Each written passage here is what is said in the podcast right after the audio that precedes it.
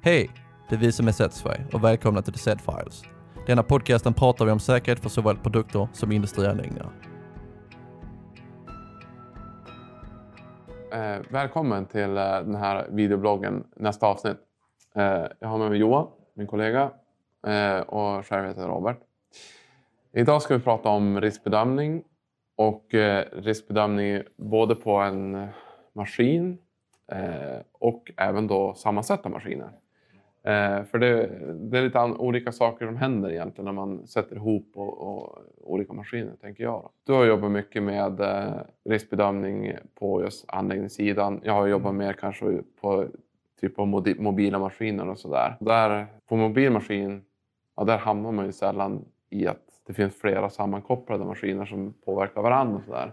Men på en eh, anläggning blir det ju kanske oftare det? Då? Ja, men det blir ganska väldigt ofta skulle jag vilja mm. påstå faktiskt. Ja, nej, men eh, det är ju så. Eh, det är som oftast, ofta, Ibland får man en sån här mycket färdig lösning när man ska egentligen bara leverera en, en grej till dem och så säger man, äh, ställer man upp den. Ja, men nu är det klart. Här har ni, så gör man internt sin egen riskbedömning och så gör man allt. Du tänker som en, en automationsfirma skulle ja, få ett sånt uppdrag? Ja, jag tänker mig en automationsfirma får uppdrag. Ja, men fixa den här uppgiften. Ja. Och så levererar man. Och då, då, är den liksom, då tänker du att den är som fristående? Typ att den ska bara... Ja, eller på något sätt så att man inte egentligen jobbar tillsammans med en annan del i, ja. i, okay. i, i fabriken. Då, utan man, den gör sitt. Den tillverkar plåtbitar och så, mm. så det gör man ju oftast internt då. Ja.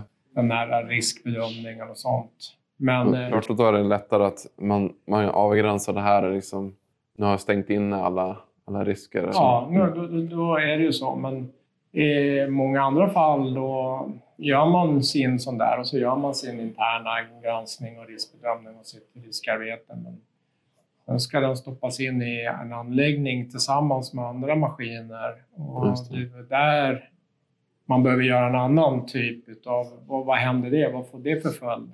Mm. Och då vem som ska göra vad och inte. Det, då är det väldigt viktigt med en riskbedömning till då, Just det. jag anse då. Mm. Vi har ju ett sånt kanske färskt exempel där vi har liksom en ganska stor tillbyggnad i en fabrik och sen har man köpt, köper man in liksom lösningar från olika håll mm. som då eh, ska samverka i ett, i ett rum egentligen. Då. Mm. Det är ju en sak om man, om man som kund då köper in det här från en leverantör som totalentreprenad kan man säga. Mm. Om då vill jag ha en nyckelfärdig lösning. Ja. Gör du inte det utan du handplockar från olika leverantörer, då blir det ju istället att någon ska ju ta helhetsansvaret. Mm. Och den, den någon är ju kunden. Ja, men så är det ju.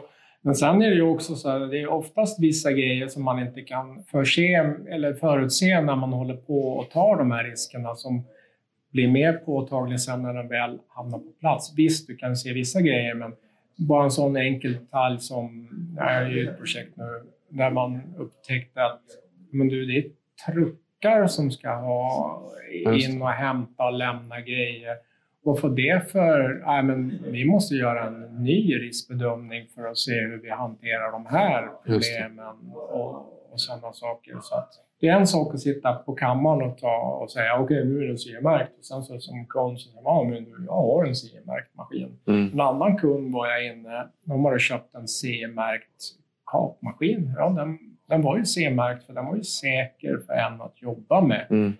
Men sen så ställer man på en sån plats i, i, i, i det här stället så att det går ju folk förbi inte ja, allt för långt emellan ja, och kan ganska enkelt göra sig ordentligt illa om man inte är, är aktsam och sådana saker. Så du tänker, alltså det du menar egentligen att du har, när du köper en maskin då är den CE-märkt. Mm. Jag menar, det andra exemplet, alla de här lösningarna var ju CE-märkta för sig. Liksom. Ja.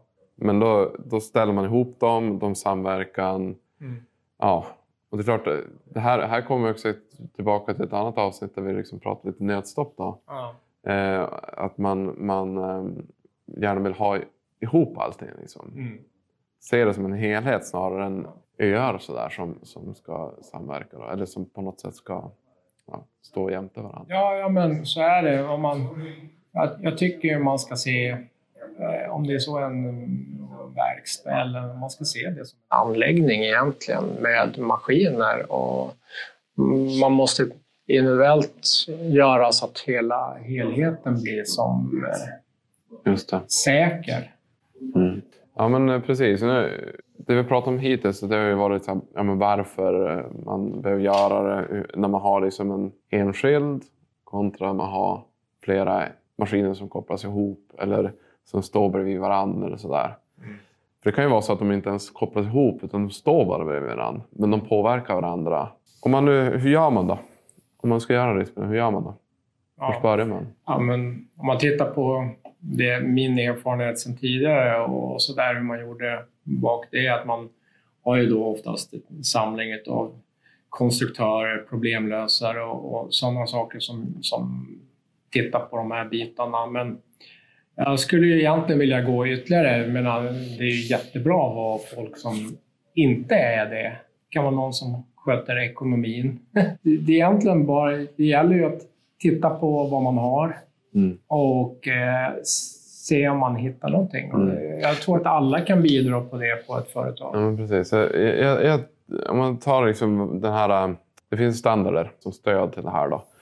Eh, och, och där har man ju men 1200 till exempel som är den översta, en A-standarden i maskindirektivet. Där har du ju uppspaltat att du ska ha tre olika områden, eller tre delar. Du har ju identifiering, Mm. Riskidentifiering, riskbedömning och riskreducering. Mm. Och av de här grejerna, så är alla är viktiga, men det är ju riskidentifiering som jag ser som det viktigaste egentligen. Ja, ja.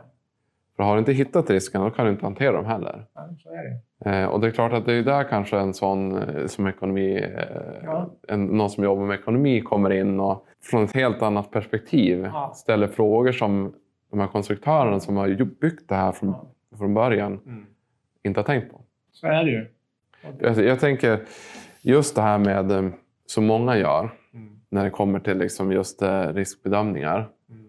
är ju att det är liksom samma personer som har utvecklat eller Mm. konstruerat lösningarna Ja. som också gör riskbedömningen. Så är det. Och då har man väldigt, man har ju som en eh, ganska smal liksom, Man tycker man har hanterat risken oftast eller genom konstruktion Mm. och sådana saker själv. Så att Mm. man tycker att det är som självklart Mm. det är så. Men det kan ju vara någon som är väldigt airheaded och bara kommer på något konstigt. Ja, men ja, fan, de har ändå en liten poäng här. Så. ja, Ja, men ibland kan man tycka att ja, men du är uppe i månen och cyklar. men ja. Men då har man i alla fall fått Ja. fram frågan. Liksom. Sen kan man ju stryka bort den om det inte är relevant. Ja, ja. Men eh, ja, det, det är Mm. ganska bra för att syna sådana grejer. Sen är det ju bra att ha checklistan att gå efter. Mm. Den är ju som, den sållar ju bort mycket. Och vilken checklist tänker Ja, du på? det är den där eh, 1, 2, 0, 0, 0. 1200. ja. 1200, Ja. ja. Nej, Du ser ju vad bra jag är på, på det där. Men jag, vet att den finns och jag använder den och, och sådär. Mm. Sen finns det ju eh, program som, som hanterar det också som hjälper en och, Mm. och, och, komma de där bitarna. Och så hittar man någonting. Ja, men det här måste vi bara titta på. Här, här har vi de här riskerna i Mm. samband med det. Då. Just Det är jättebra att ha den, men samtidigt är det också bra bara att sitta och bara se på produkten eller maskinen eller situationen Mm. i vitögat. Att, Just jag det. menar, vad är det här? Vad, vad, vad har vi för någonting? Och då Mm. är det ju fler som är med på de här äh, mötena. Okej, det är företag och projektledare tittar alltid på pengar, men det är ju där man kan hitta Mm. hitta de här äh, Mm. grejerna som de här teknikerna inte Mm. alltid de här äh, som tycker att ja, men det är självklart om Mm. man ska göra så. Men, men Mm. du har inte fångat upp det tillräckligt. Mm. Jag skulle säga att en av de viktigaste att ha med det är ju en brukare. Ja, ja. Alltså en Ja, förare operatören, eller operatör. Ja, ja, absolut. Och sen, sen ska man också komma ihåg att de flesta, eller mycket olyckor sker inte liksom när, man, när maskinen är i drift. Nej. Utan det är liksom när du ska in och pilla i den. Mm. Service, underhåll. Sådana ska ju också finnas med. Ja. Och i många fall är det ju väldigt duktiga underhållare och sådär. Underhållare. underhållare eller servicepersonal Ja. ja. som, som, som kommer in och, och, Mm. och, och gör arbetena och gör så ordentligt illa. Ja, jo, ja, Och det, de, de är i sin tur också ganska duktiga på att försöka hitta genvägar. Just det är väl där man ska i konstruktionen fånga upp de Mm. momenten så att man inte kan tillåta dem att göra genvägar. Mm. Jag vet ju till och med av ett jättetragiskt fall där det var en, en erkänd besiktningsman på elbesiktare som omkom på grund av att han hoppade över och förbisåg säkerheten mitt, Mm. ja, bara för att granska elinstallationen. Ja. Så att ja, det är ju, Mm. sådana saker ska inte få hända. Nej. Och det är väl det man... Det är då man har den här ekonomiansvarige som är airheadet som kan komma med en Ja, jättebra infallsvinkel som man inte kanske har tänkt på Mm. som en konstruktör. Nej, just det. För det är klart att om man då sitter med en underhållstekniker och så, och så frågar man hur ska vi underhålla den här? Ja, Man säger underhålla, ja precis. Ja. Hur ska vi underhålla den? Jo, genom att nu måste vi komma åt det här. Jaha, men vad innebär det då? Jo, och då måste vi öppna här. Ja, men då måste vi förbereda för det. Alltså, Mm. det är lite sådana grejer som vi pratar om egentligen. Ja, Det står ju ganska väl beskrivet i direktiven att, att, man ska ju, att det ska utföras spänningslöst och maskinen inte ska kunna Mm. starta. Men eh, Men om man då har den möjligheten att gå förbi det för att man Ja. sparar tid. Ja, för det, det är oftast pressat där man har tillverkningsprocesser och sånt. Men driftstopp en timme på en större eh, fabrik kan ju innefatta många miljoner. Mm. Och då kommer det in på andra bitar. Man kan ju hitta då som man ligger före och sånt där. Mm. Så att, eh, Mm. Man, vill ju, man jobbar ju konstruktionsmässigt med att minimera Mm. de här driftstoppen så man Mm. jobbar proaktivt istället. Mm. Så att mm, komponenter och sånt börjar Mm. tala om att nu är det dags att byta. Ja. Men de ska ju kunna byta säkert. Mm. Okej, vi har alltså, det var riskidentifiering. Då ska vi ha en, en grupp av människor som är onödigt stor kanske. Mm. Alltså man, för det är klart att säg du har tio personer Mm. som, eh, som alla kostar en 500 i timmen liksom, Ja. internt. Mm. Vad blir det då? 5 000 spänn i timmen som det Ja. kostar att ha de här människorna. Ja. Man får ju ha en ganska Man ska ha en ganska bra agenda. ja, tydlig så här, Ja. titt, titt, titt, för att det ska kännas att det här var faktiskt ett värde som vi tillförde. Mm. Men, men helt klart att, att försöka få med så många, så många människor som möjligt från produktens livscykel. Mm. Ja, men det är det. Sen är det en annan grej som... Jag menar, I och med att du har ansvar för produkten eller maskinen från den föds tills den ska dö. Mm. Det står ju ganska klart och tydligt. Ja. Då har du ju vissa bitar som man inte behöver upprepa varje gång. Man kan ju ha, du, har ju, du ska ju ta hänsyn till att de som tillverkar den eh, kan göra det på ett säkert perspektiv. Att Mm. Det behöver man ju, alltså om man sätter sig och tar risker ang, angående tillverkningsprocessen, att man gör en, och där kan man ju ha med då en arbetsmetod. Man, man fångar upp alla de här grejerna en gång. Mm. Och sen får man med det varje gång när man, man fångar upp allting så behöver man inte göra just den biten varje gång. Nej, så Du menar att det är mycket som, oavsett om det är produkt A eller produkt, produkt B som tillverkas, så Ja. är det liksom Mm. Ja, metoderna är som de samma. Ja, metoderna är ja, med Så att detsamma. man hanterar riskerna med det Ja, jag menar, då, då är bättre Mm. att man tar det en gång för alla. Man Mm. gör bort den biten. Man Just. sätter sig, om det så är en dag, då. Mm. äh, men att man sätter sig och verkligen belyser Mm. vårt sätt att arbeta och tillverka det. Just det. Då har man gjort det en gång för alla Mm. och så har man den arbetsmiljöpolicyn och den Mm. är ju på något sätt som följer med varje gång. Och sen bara, får man en nyanställd, ja men då måste den faktiskt sätta sig ner med dem och säga att ja, men du, det här är de här man. riskerna med att Mm. jobba med de här.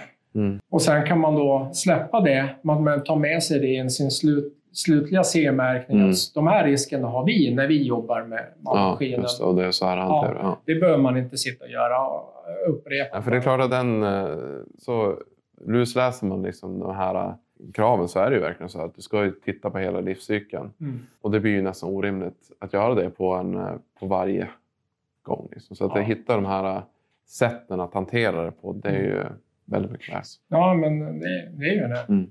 Så att eh, det har ett väldigt stort mervärde, men det får också folket att haja till och tänka lite grann. Ja, men det kanske är... Jag har ju faktiskt suttit här och tagit, hittat den här risken Mm. när jag jobbar i verkstaden. Mm. Ja, men jag, måste ha de här skyddshandskarna på mig när jag tar, den här detalj, när jag Mm. tar såna här typer av detaljer. Mm. Det får ju en själv att Mm. Ja. reagera också. Så det är ju nyttigt att, för folket att få vara med Mm.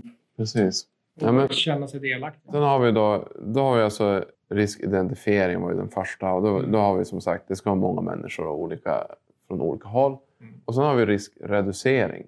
Nej, risk, riskbedömning. Ja. Och där, där finns det också det finns ju lite olika skolor och sådär. Alltså hur man bedömer. Det finns ju liksom olika metoder, Mm. poängsättning och sådär. Och egentligen, vi kommer inte gå in på detaljer där, men, men budskapet är väl egentligen att det spelar inte så stor roll hur du, vilken metod man använder. Bara man har en metod som man följer och du kan hitta på en egen metod i princip. Jag har ju Ja, funderat det här har vi ut- pratat mycket om. Jag, jag tycker personligen, kan man dö, ja då måste man fan åtgärda det. Eller så ska man inte ens sätta ut det på marknaden. Om det är en sån här påtaglig att man inte kan göra någonting åt det, Mm. då ska man inte... Ja. ja. Sen har man ju nästa grad. Kan man göra sig jäkligt illa? Ja.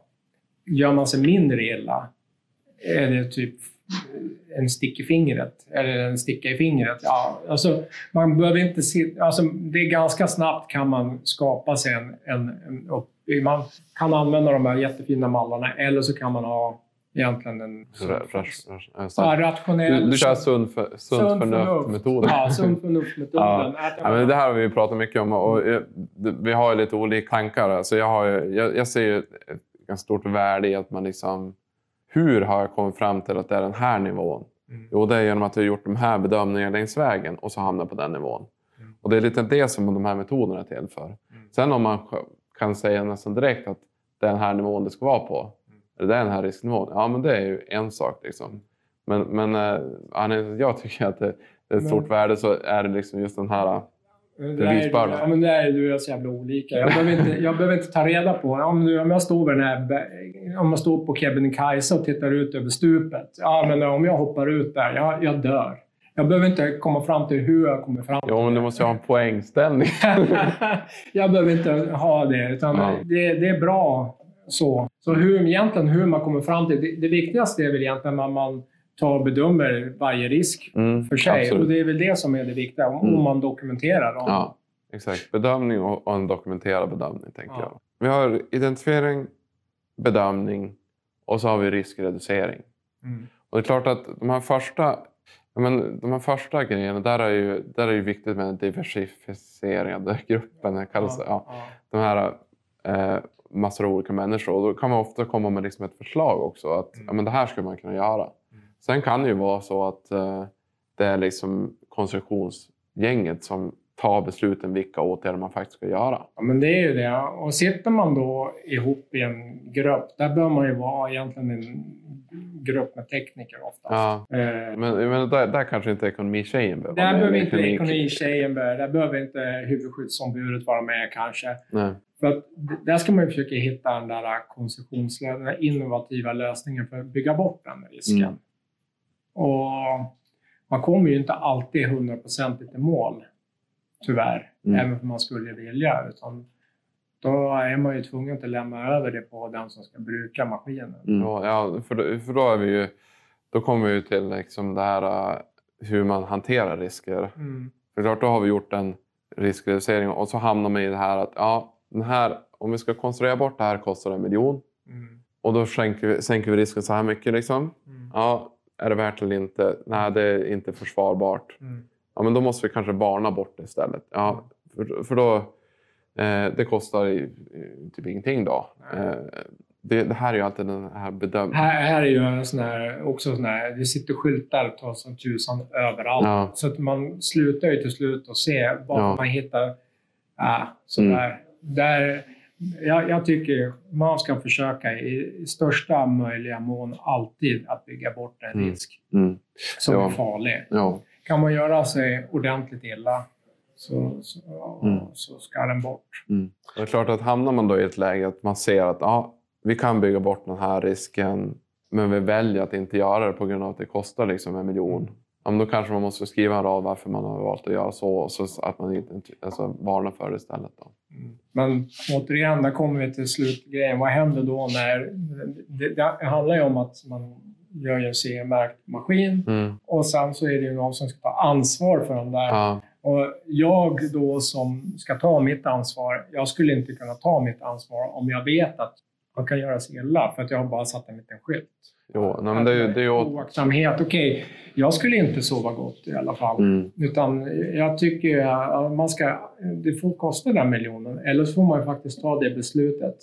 Att man faktiskt kommer till det läget att ja, men du, den här produkten den kan vi inte tillverka. Ja, ja, men, den är- är farlig. Jo, det är det här, man, det är det här som är lite spännande med just riskbedömning, för det är ju bedömning vi pratar om. Mm. Att, att det liksom är, man hamnar i situationer där man liksom faktiskt måste ta ställning. Då.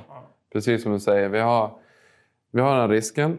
Får, vi kan bygga bort den för en miljon kronor eller så kan vi varna, bort, varna för den. Om den är tillräckligt stor, då, då, är det, då räcker det inte att, att varna. Men eh, kan vi säga att ja, men det, det är inte så farligt. Då. Mm. Ja, men då, kan, då hamnar man ju där kanske istället då, i, det- i den bedömningen. Och så är det då någon som faktiskt signar på det här och kanske vet att ja, det här är det här läget. Jag, jag kan gå i god för att det här är okej. liksom, typ så. ja, men det är det. Det är egentligen det.